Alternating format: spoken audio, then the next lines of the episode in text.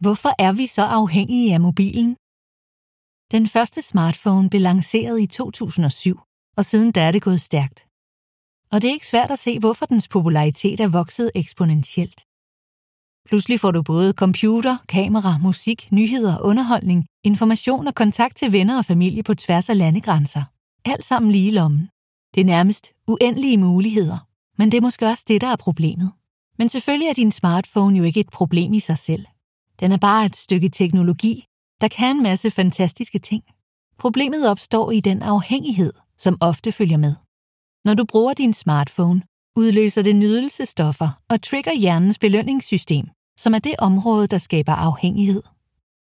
De fleste har da også altid mobilen inden for rækkevidde, og selv i gadebilledet er det interessant at lægge mærke til, hvor mange der konstant går, står, sidder med deres mobil fremme. Du har sikkert også selv prøvet, hvordan tiden forsvinder, når du sidder med din mobil. For hvordan var det egentlig, du gik fra at tjekke den mail til den panda-video, du nu sidder og ser? Måske tager du endda dig selv i at række ud efter din smartphone helt per automatik og tjekke den uden nogen reel grund.